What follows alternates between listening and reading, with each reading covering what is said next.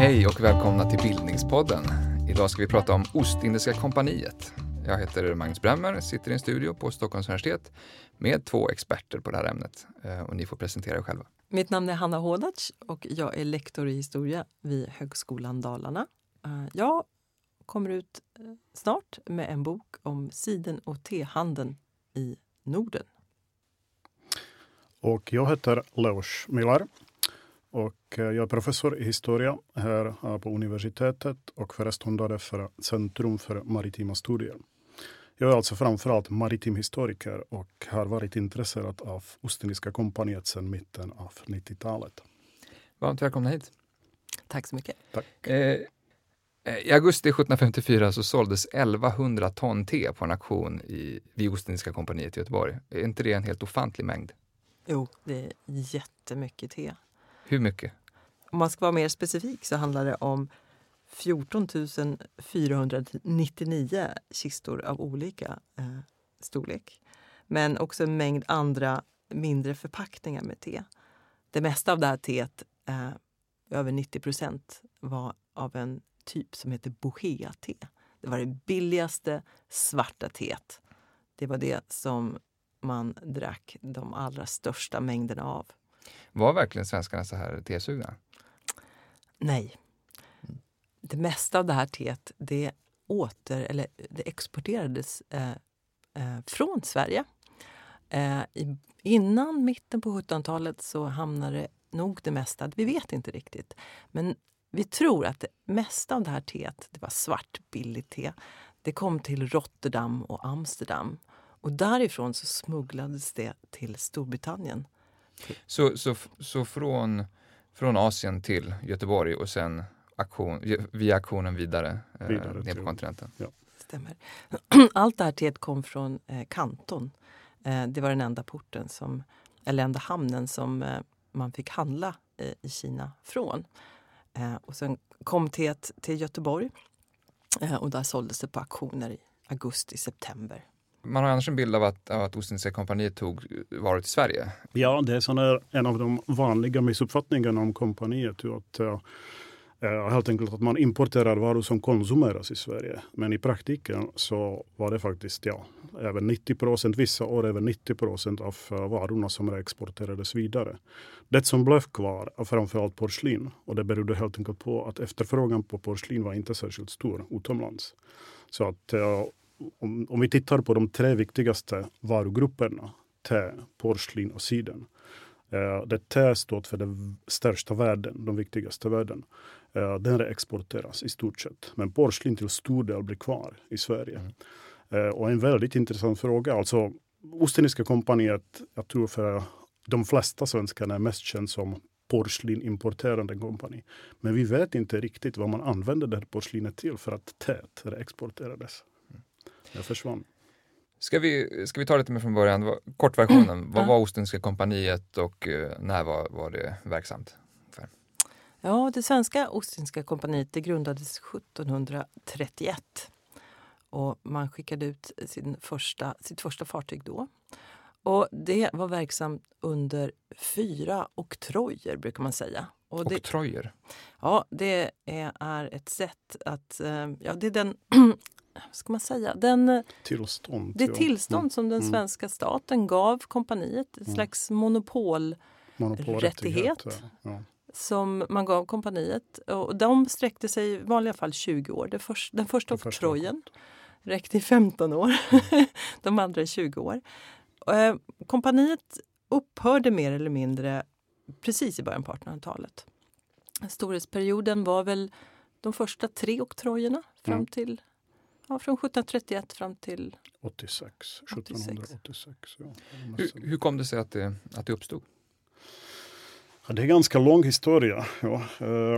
Eh, egentligen, alltså i Sverige så vi haft ganska många mon, sådana här monopolkompanier. Redan på 1600-talet och under 1700-talet så hade vi eh, Levantiska kompaniet, vi hade uh, Västindiska kompaniet. Eh, men de, de här kompanierna grundades framförallt för den svenska marknaden. Alltså man tyckte att eh, det fanns marknad för produkter som de kunde importera. Men just när det gäller Ostindiska kompaniet är situationen lite annorlunda. För den grundas egentligen på initiativ från utländska investerare. Och då talar vi om investerare i det som är dagens Belgien. Ja, men som i början av 1700-talet när kompaniet grundades faktiskt tillhörde Österrike. Så det kallades Österrikiska Nederländerna. Och där fanns pengar, det fanns intresse. Men det fanns också konflikter med Holland, holländare och eh, England om handel med Kina och Indien. Eh, så vi kan säga att de här eh, belgiska, eller flamländska för att vara exakt, investerare tvingas lämna Antwerpen, Gent och söker sig vidare. Och då hittar de Göteborg som ett perfekt plats helt enkelt för att starta sina affärer ifrån. Går det att säga om det finns en enskild svensk som var särskilt inflytelserik i grundandet? Ja, det var Martin Salgren. Ja, man kan säga att kompaniet grundas av en sån här skotsk flamländsk entreprenör, uh, Colin Campbell, och uh, svenska entreprenören Martin Salgren, som vi fortfarande har i namnet Salgrenska sjukhuset. Vilka var de vanligaste varorna under handeln på 1700-talet? Om man tittar på Asienhandeln överlag så kan man ju se en skiftning i början på 1600-talet när man börjar handla med Asien i såna här Ostindiska kompanier. Och det är ju kompanier som etableras i Holland, eller Nederländerna och Holländska republiken, i England, i Frankrike. Så är det kryddor. Eh, och då har portugiserna varit där innan redan och börjat handla med kryddor. Vad är det för kryddor? Ja, det är peppar, det är kanel, nejlikor, muskot. eh, de här kryddorna är jätteviktiga eh, initialt. De är verkligen värda sin vikt i guld. Men mot slutet på 1600-talet då kommer en ny vara in, nämligen indiska bomullstyger. Eh, mm. Och de blir jättehotta i varor i Europa. Alla vill ha de här färgglada tygerna. De det här tryck... påverkar modet? Det här på, absolut. Det är tryckta tyger, det är målade tyger, det är vita lätta musliner. Och vad hade man innan? Eh, alltså man har ju bomull i Europa innan. Men då är det framförallt att man blandar bomullet med lin. Det som är nytt med det här indiska bomullstyget är att det är 100% bomull och att man har de här väldigt vackra färgerna som är tvättäkta. Så man kan tvätta färgerna och de håller sig. Mm. Så indiska bomullstyger är den stora varan och den växer jättemycket. Importen ökar hela tiden. Men sen i början på 1700-talet så börjar det komma en ny vara och det är det kinesiska teet. Allt te som man dricker i Europa under den här perioden kommer från Kina. Och när, kan man, när, när kan man dricka den första koppen te i eh, Göteborg? Det vet vi inte riktigt, men teet kommer förmodligen till Sverige någon gång under slutet på 1600-talet. Men då är te framförallt eh, en medicin. Eh, det är någonting som är dyrt och som eliten dricker för att bota krämpor. Och så var det bland eliten över, överlag i Europa. Mm. Det som är nytt under början på 1700-talet det är att te blir en vardagsvara. En sån här masskonsumerad vara. Framförallt i lågländerna, i eh, Nederländerna, i, i den holländska republiken, i England och i Skottland. Eh, där bör man dricka te som en var, vardags, vardagsvara, så att säga. Det gör man inte i Sverige. Eh, eh, av en mängd olika skäl. Så, ja. Men, eh, men teet blir en allt viktigare. Så under andra hälften av 1700-talet så kommer te och tar över den här rollen som bomullen har haft som den drivande varan under 1700-talet i Asienhandeln. Och då dricker man inte kaffe i Sverige? Jo, man dricker kaffe. Eh, och det är nog så att man dricker mycket mer kaffe än te. Men mm. fortfarande så pratar vi om väldigt små mängder. Eh, man började dricka kaffe först egentligen i Skandinavien ordentligt under ja, på 1820-30-talet. Och det har att göra med att man börjar odla kaffe i Brasilien och tar hem det eh, över Atlanten. Eh, men det handlar också om att den eh, nordskandinaviska marknaden börjar bli tillräckligt stor. Man pratar om marknadsintegrering, om att man börjar handla att städerna får en viktigare roll som handelscentrum. Man lär sig dricka eh, heta drycker. Det visste man inte riktigt hur man gjorde Mm. tidigare.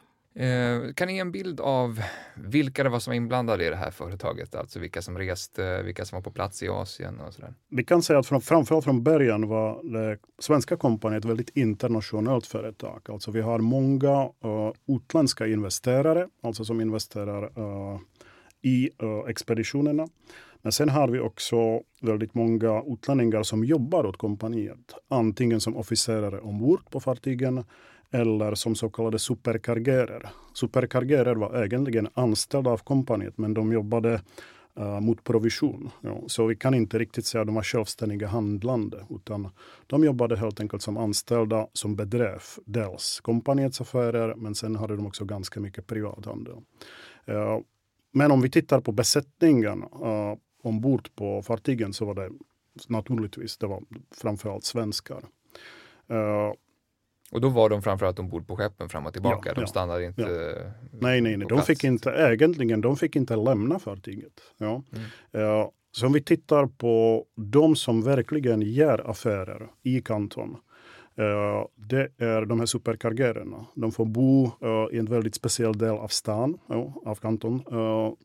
Eh, som har helt enkelt avgränsat för utländska kompanier. Eh, eh, där, hade, där hyrde alla europeiska kompanierna uh, hus där de fick bo, göra affärer, uh, men också samla inköpta varor och så vidare.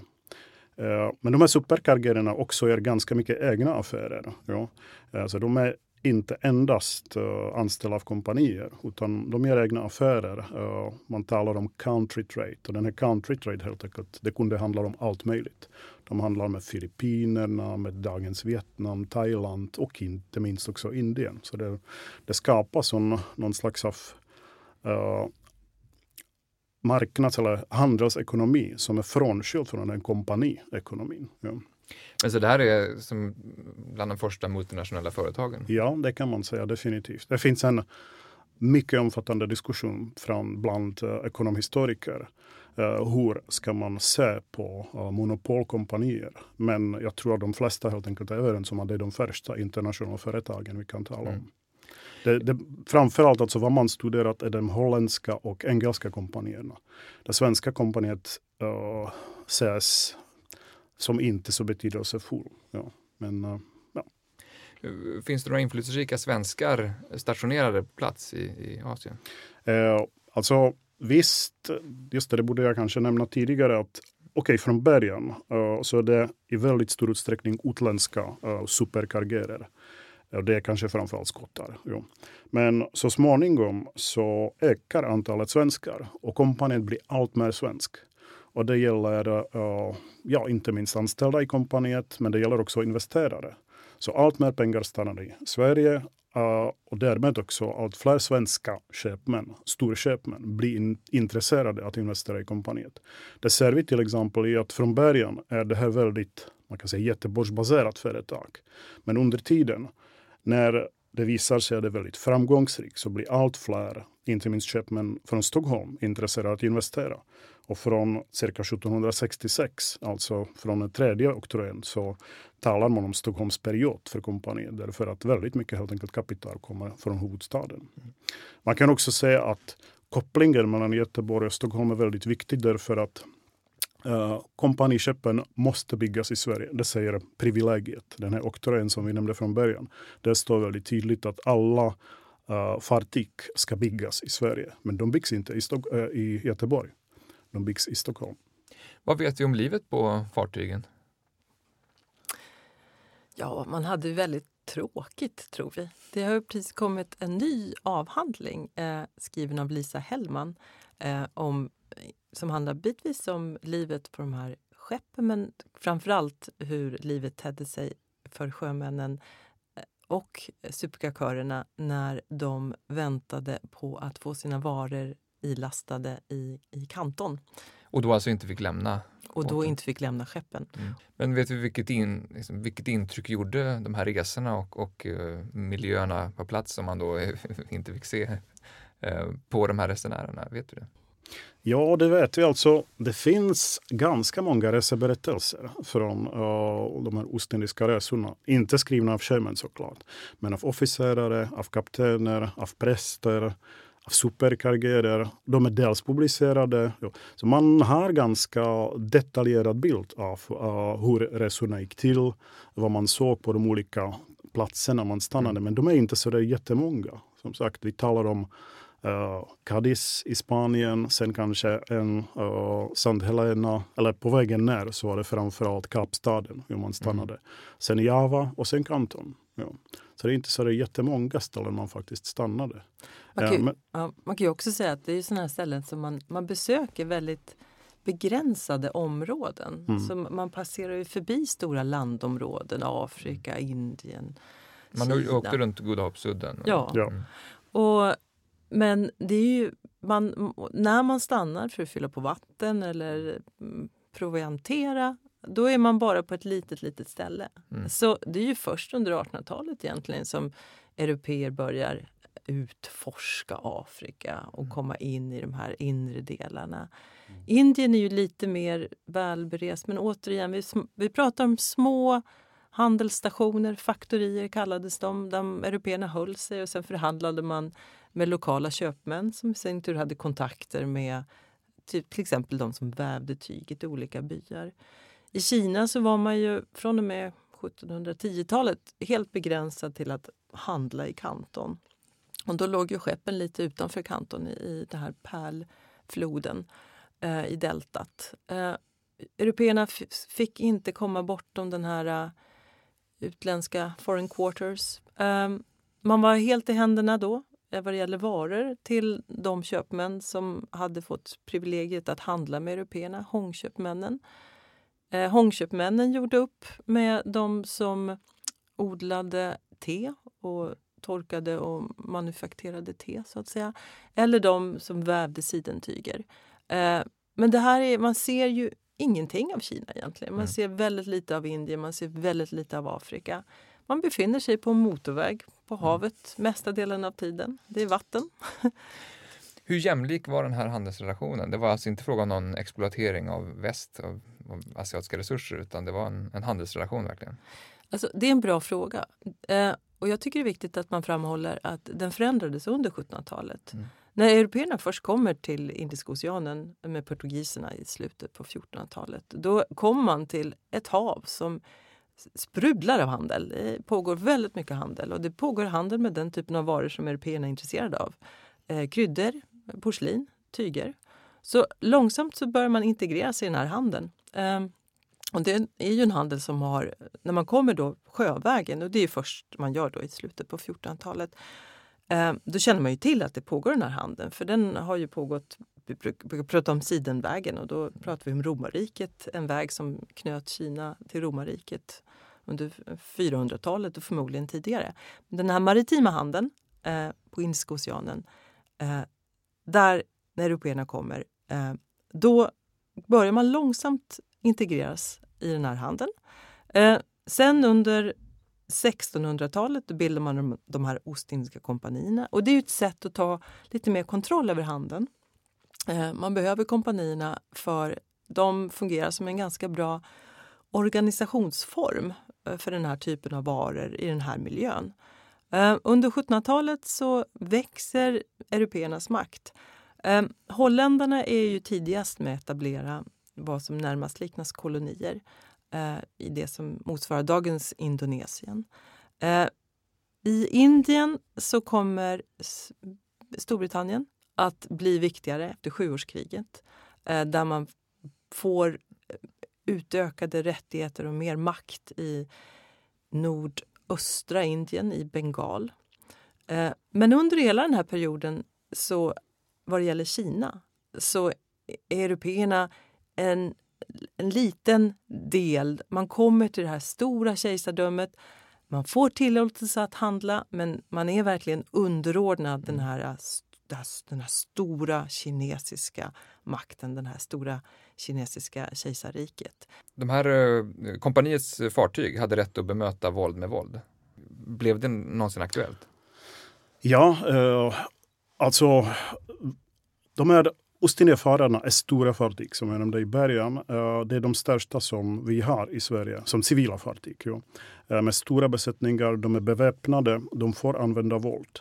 I praktiken är det så att man inte behöver göra det. Därför att de är så stora att inga pirater vågar sig att, äh, ge sig på dem. Och Sverige faktiskt inte hamnar i några konflikter, internationella konflikter. Eh, ja, utanför Östersjön. Så man har inga öppna konflikter med Frankrike eller England.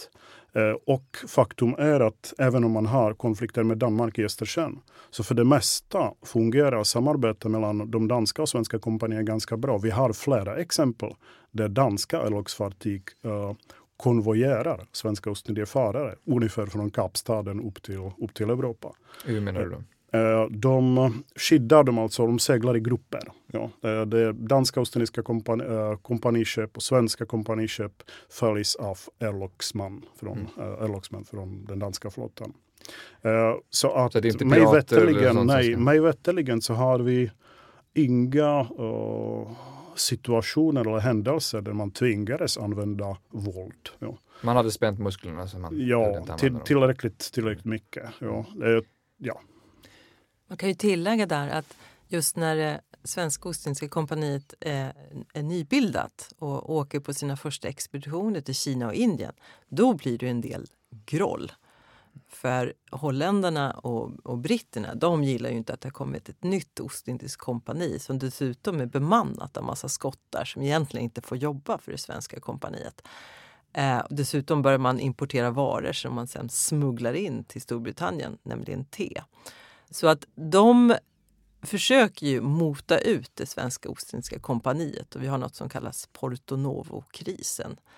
Eh, som, som, som, som, handlade om att det var ett svenskt eh, kompaniskepp som kom till Indien, till Coromandelkusten och skulle etablera ett faktori för att börja handla med indiska bomullstyger. Men då går engelsmännen tillsammans med fransmännen, en sån ohelig allians, och attackerar det här faktoriet och, och, driver bort svenskarna. Och sen blir det här en stor diplomatisk kris som pågår i nästan tio år. Fransmännen de ger med sig ganska snabbt och ersätter svenskarna. Men britterna, de motsträvigt så går man med efter tio år på att ersätta. Men då, så om, då gör man också en deal med man säger att då får inte ni anställa några fler britter och då pratar vi framförallt skottar i ert kompani. Utan ni får hålla er till de ni har och that's it. Hur, hur kom det sig att alla dessa skottar hamnade i Göteborg? Den skotska närvaron i Sverige den går långt tillbaka i tiden, till, ja, till och med till slutet av 1500-talet. Om vi talar mer specifikt om den här situationen med Ostindiska kompaniet, eh, så är det så att eh, skottar hade svårt att etablera sig i de här engelska monopolkompanierna, helt enkelt för att de var skottar. Så de fick inte Eh, delta, de fick inte investera i uh, det engelska Ostindiska kompaniet. Och då, då säker de sig helt enkelt utanför England. Och uh, dels är det det här Ostendekompaniet i dagens Belgien, som vi nämnde i början. Men dels till exempel också i Frankrike. Så de säkrar helt enkelt andra utkomstmöjligheter. Det som är viktigt med skottarna är att de ändå finns etablerade i Storbritannien. Alltså de har sina personliga nätverk i London, Eh, i Edinburgh, i norra England. Så de vet var marknaden finns och de har pengar. Eh, så på så sätt så etableras alltså ja, viktiga kontakter. Uh, massa skottar kommer till Göteborg som ligger också nära. Vi måste tänka på så att uh, uh, ja, Göteborg helt enkelt ligger relativt nära till framförallt norra England och Skottland där de här kontakterna är som, som starkast. Men jag vill också betona att det här, här talar vi om ekonomiska kontakter, om, om uh, handelsmän, uh, investerare. Men uh, till exempel på 1600-talet var det skotska närvaro i Sverige framförallt militär. Vi har massa officerare uh, och soldater helt enkelt som, som är i svensk tjänst. Uh, och uh, jag menar, det finns en väldigt stark konflikt, eller stor konflikt mellan England och Skottland. Och skottar söker sig utanför Storbritannien mm. av politiska skäl. Och de hamnar delvis också i Göteborg. Vilket är det skotsk, eh, finns det skotska arv i, i Göteborg som stad? Då?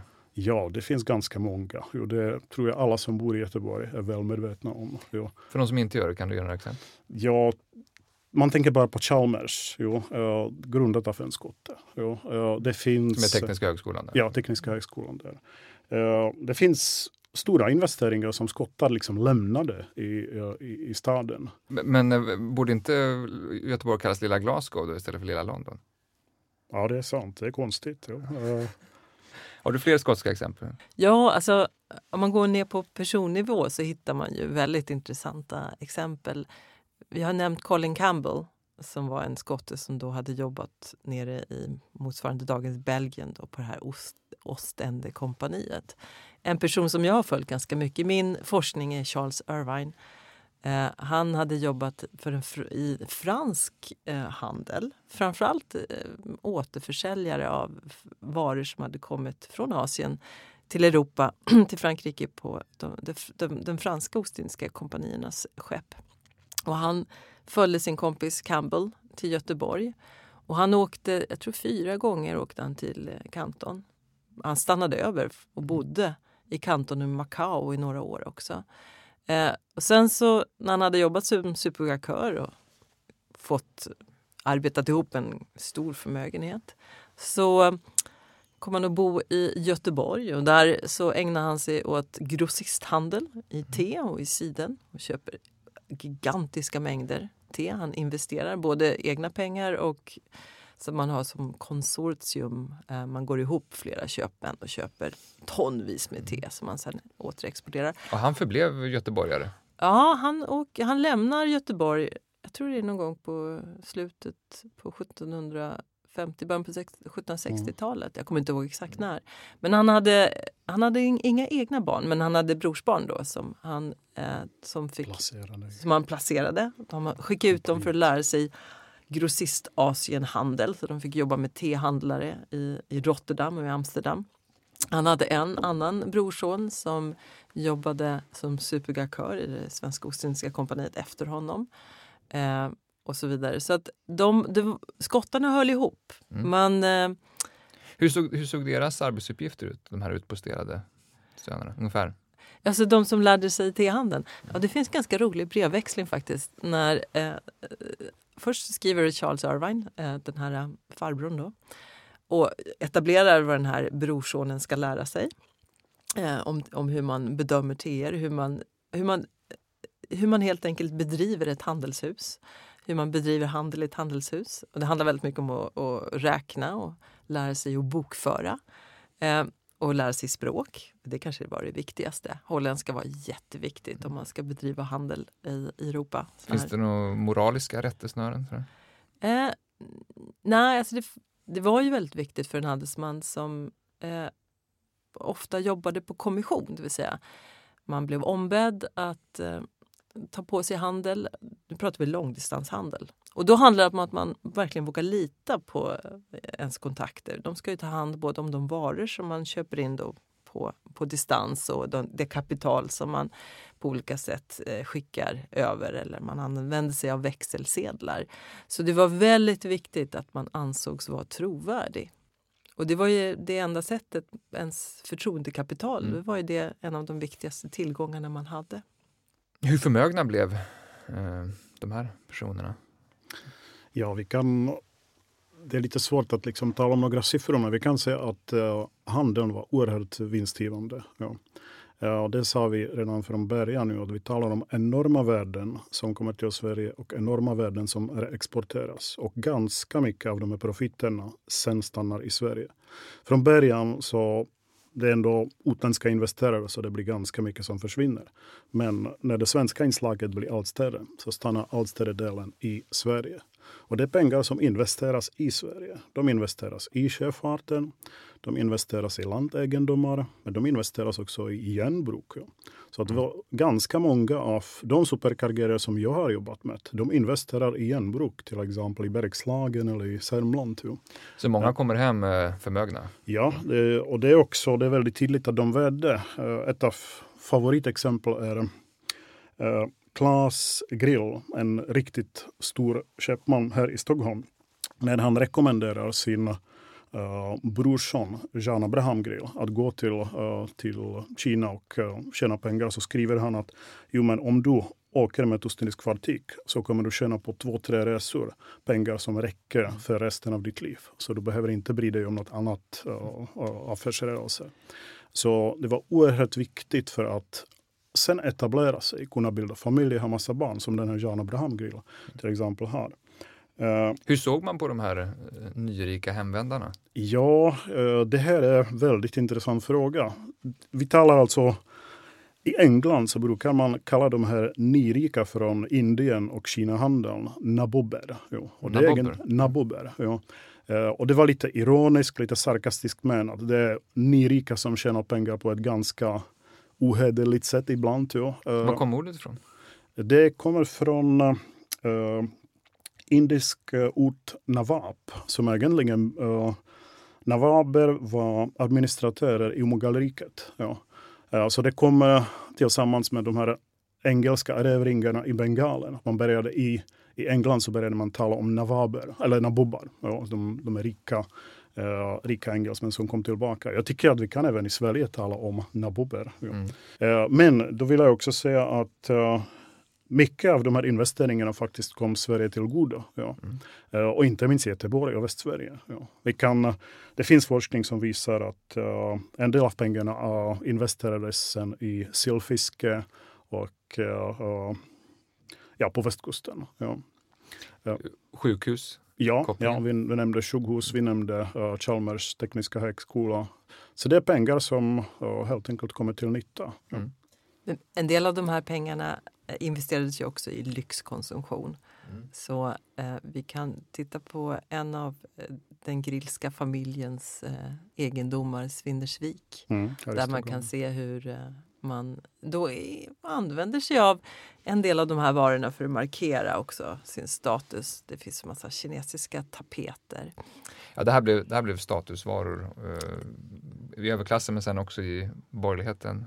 Ja, så man ser ju Eh, det, det, är ganska intressant för man ser ju den här elitkonsumtionen och det här kineseriet är ju någonting som präglar inte minst början på 1700-talet. Säg, säg något kort om kineseriet bara. Man, man beundrar Kina. Kina står för en, en sån här ordning, ett slags, det blir väldigt idealiserat som samhälle. Det blir en, en, en stil, en trend? Det blir en stil, en trend, men det är också en, alltså, det får ju politiska implikationer. Man tänker på Kina som den här, den här staten. Men om man tittar på materiellt då, så kan man ju se eh, flera olika tecken eller mm, spår av kineseriet. Det som är roligt och som jag tycker är speciellt intressant det är ju till exempel vad man gör i Drottningholm. Dels så bygger man den här kinesiska paviljongen men sen så etablerar man också en slags mini-lyxproduktionsenhet som man kallar Kanton fast man stavar det med K. Um, och idén var nämligen att man, man associerade de här kinesiska varorna då med, med en slags lyxkonsumtion. Och under den här, det här pratar vi 1750-60-talet, eh, det är en period som präglas av ett ekonomiskt tänkande. Eh, merkantilismen brukar man säga. Där idén var att man då inte skulle importera lyx utifrån utan man skulle producera det själv. Och då så tänkte man att man skulle kopiera Kanton. Så i den här lilla byn på, i Drottningholm som fortfarande heter Kanton, så ägnar man sig åt att odla silke, så man har så seriekultur, silkesmaskar. Eh, man har mullbärsträd då för att föda de här silkesmaskarna. Eh, silversmide av olika slag, så här fin, små, lite, ja, finare produktionslinjer. Eh, och det här tänkte man då skulle vara ett sätt att, att ersätta den här handeln med Asien. Hur gick det? Det gick inte så bra. Man, I det här fallet man brukar använda ordet importsubstitut just för att liksom, ja, ett sätt att förklara eller tänket kring vad, vad man gjorde. Det gick inte så bra i Sverige. Eh, det är ganska roligt om man tittar på den, den här handeln eh, med det svenska Ostindiska kompaniet. För vi har pratat väldigt mycket om te. Och te var ju väldigt viktigt. Eh, det återexporterades och smugglades in i Storbritannien där det engelska Ostindiska kompaniet hade monopol på handeln. Så det var in... En svart marknad. Det var en svart marknad. Och där kan man se, alltså idag, eller ja, under 1700-talet så kan man se, man säljer vad man kallar Gutenberg Kongo. Kongo är en typ av billigt svart te. Men eh, det sålde man i, Göteborg, eller i, i, i Skottland. I Sverige däremot så dricker man inte så mycket te. Däremot så finns det tecken och ganska tydliga indikationer på att kinesisk siden eh, kom att få ett stort genomslag på den svenska marknaden, men under en begränsad tid. Eh, det handlar om de första 20 åren ungefär av det svenska Ostindiska kompaniets eh, tid. Hur förändrade det här det svenska modet? Ja, det är ju svårt att säga, men det, det som är intressant är eh, att vi, man, när man tänker på hur modet förändrades på grund av importen från Asien så kan man prata om kul kulturella förändringar. Till exempel det här med tedrickande, det innebär att man börjar dricka en varm dryck, ofta i en hemmiljö. Det är mycket lättare att brygga te än att brygga kaffe, vilket också förklarar mm. varför det blev så populärt. Och man har porslin och man har tea tables och det blir en hel kultur som kringgärdar konsumtionen och så förändrar också folks sätt att, att mm. bete sig. Eh, vad det gäller tyger då så fick det ju inslag på hur man klädde sig. Eh, man kan se hur modets växlingar blir snabbare. Och Det har att göra inte minst med att vi pratar om ett tyg där man trycker tygerna. För Då kan man ju ändra mönster mycket snabbare. Mm. Eh, och vad det gäller just bomullstyget och det indiska bomullstygets eh, ankomst till Europa och hur det påverkade modet så är det här saker som man har fram, framhållit. Man har fokuserat väldigt mycket just på bomullstygerna. Eh, för det var ju också så att efterhand under 1700-talet så började man ju producera bomullstyger i Europa framförallt i England. Och mm. det här är ju en process som vi associerar med den industriella revolutionen med de här stora bomullsfabrikerna eh, i Manchester. Mm. Men tillbaks till sidenet.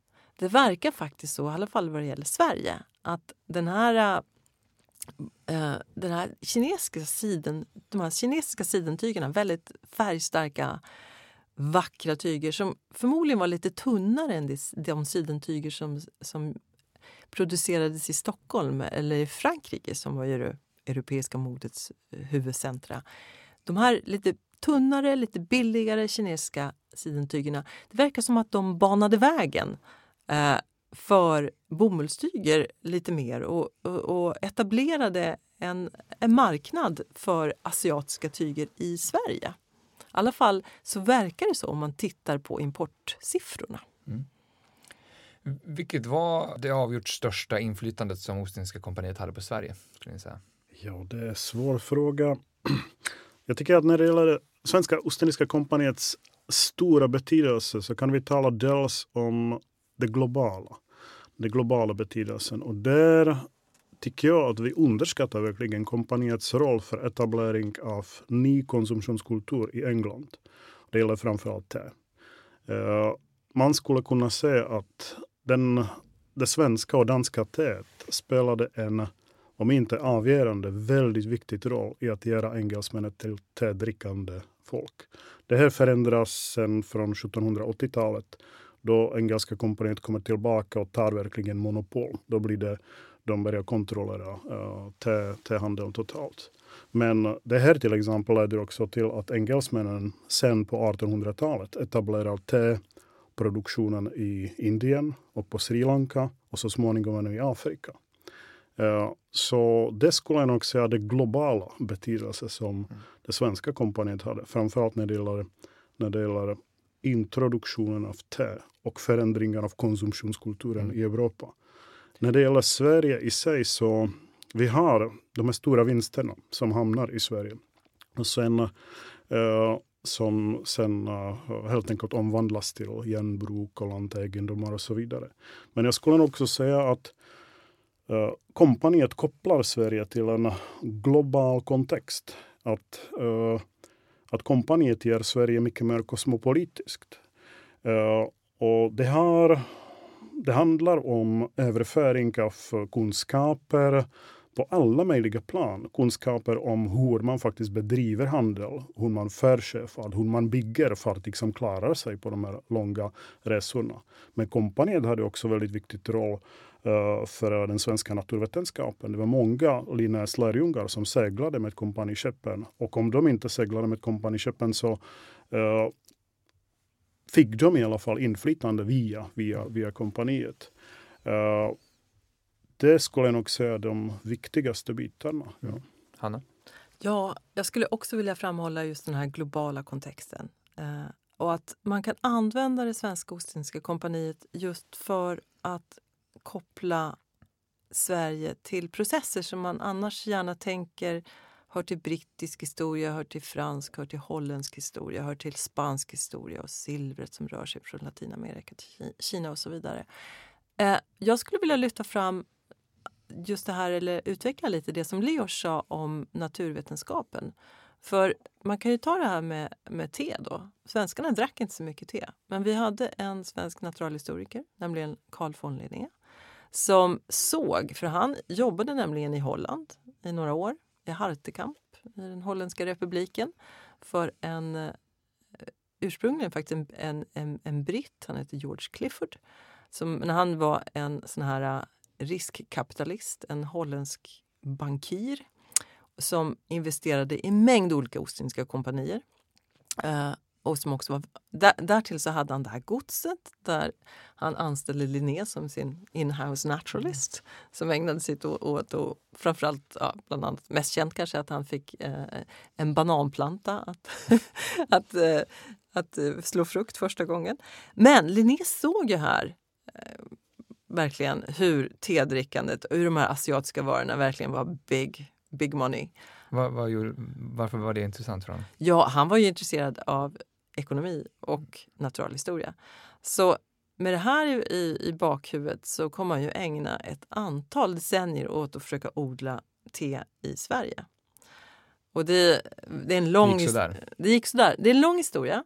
Han, han, han, det, det är en ganska sorglig historia. Det är en massa teplanter som man försöker få då överförda från Kina till Sverige på de här skeppen och de äts av råttor eller de ramlar över bord eller det visar sig att det är fel typ av, av planter som till slut når Uppsala. Men till slut så kom, får han ett antal planter som han då hoppas skulle kunna bli grunden för en teodling i Sverige.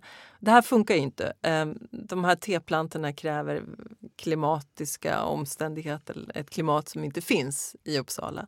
Men vad han gör är ju att han samtidigt som han håller på med det här lite dödfödda projektet så Eh, korresponderar han med naturalhistoriker runt om i Europa och inte minst med såna i England som kommer i sin tur att vara instrumentella med att försöka etablera teodling i Indien på 1790-talet.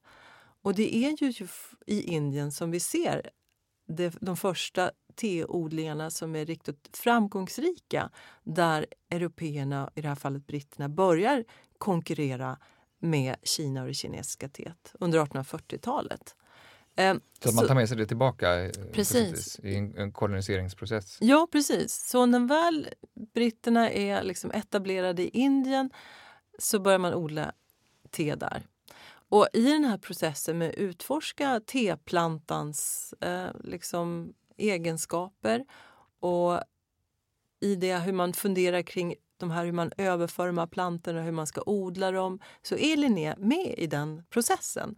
Så sträcker man ut tidsperspektivet och tänker på konsekvenserna av den här ostindiska handeln riktigt långsiktigt mm. så, så, blir, så finns det även en svensk historia här.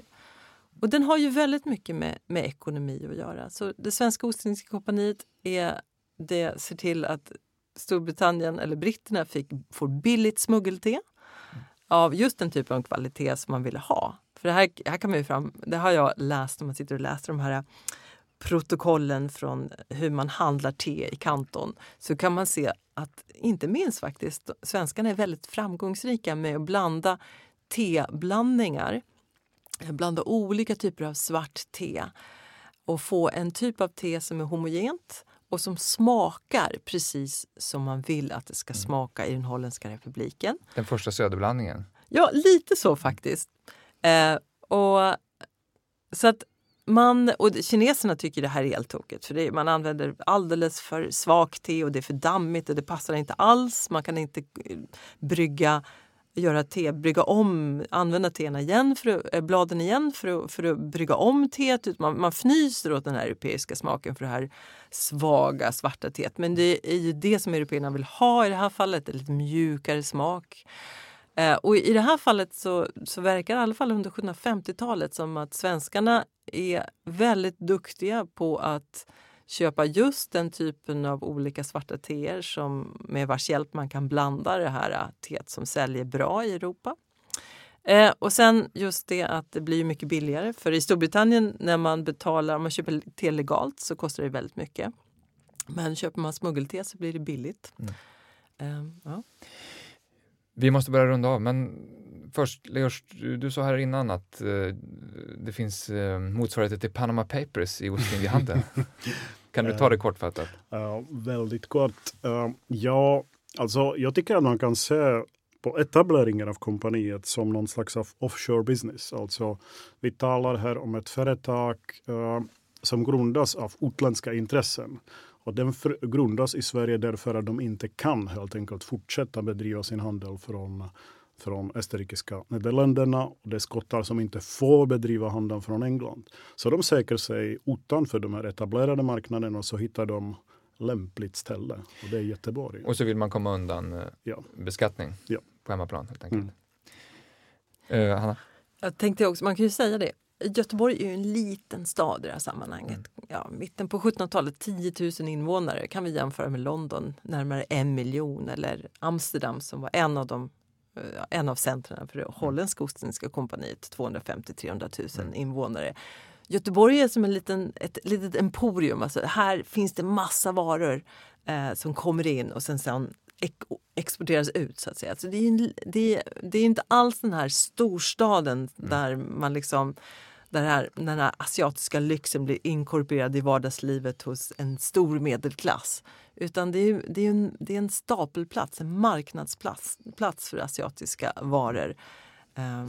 Med en väldig massa skottar. Med en väldig massa skottar. Det sägs ju förresten att det här överklassknarret, alla Gyllenhammar, har skotska eh, influenser. Stämmer det?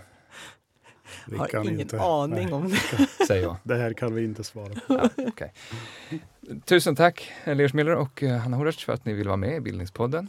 Eh, tack för att ni har lyssnat. Gå in på bildningspodden.se, läs mer och lyssna på annat. Eh, tack för den här gången. Hej! Du har lyssnat på Bildningspodden, en podcast från humanistiska fakulteten vid Stockholms universitet. Producerad av Magnus Bremmer och Claes Ekman. Podden spelas in på Språkstudion och tekniker är Henrik Nordgren.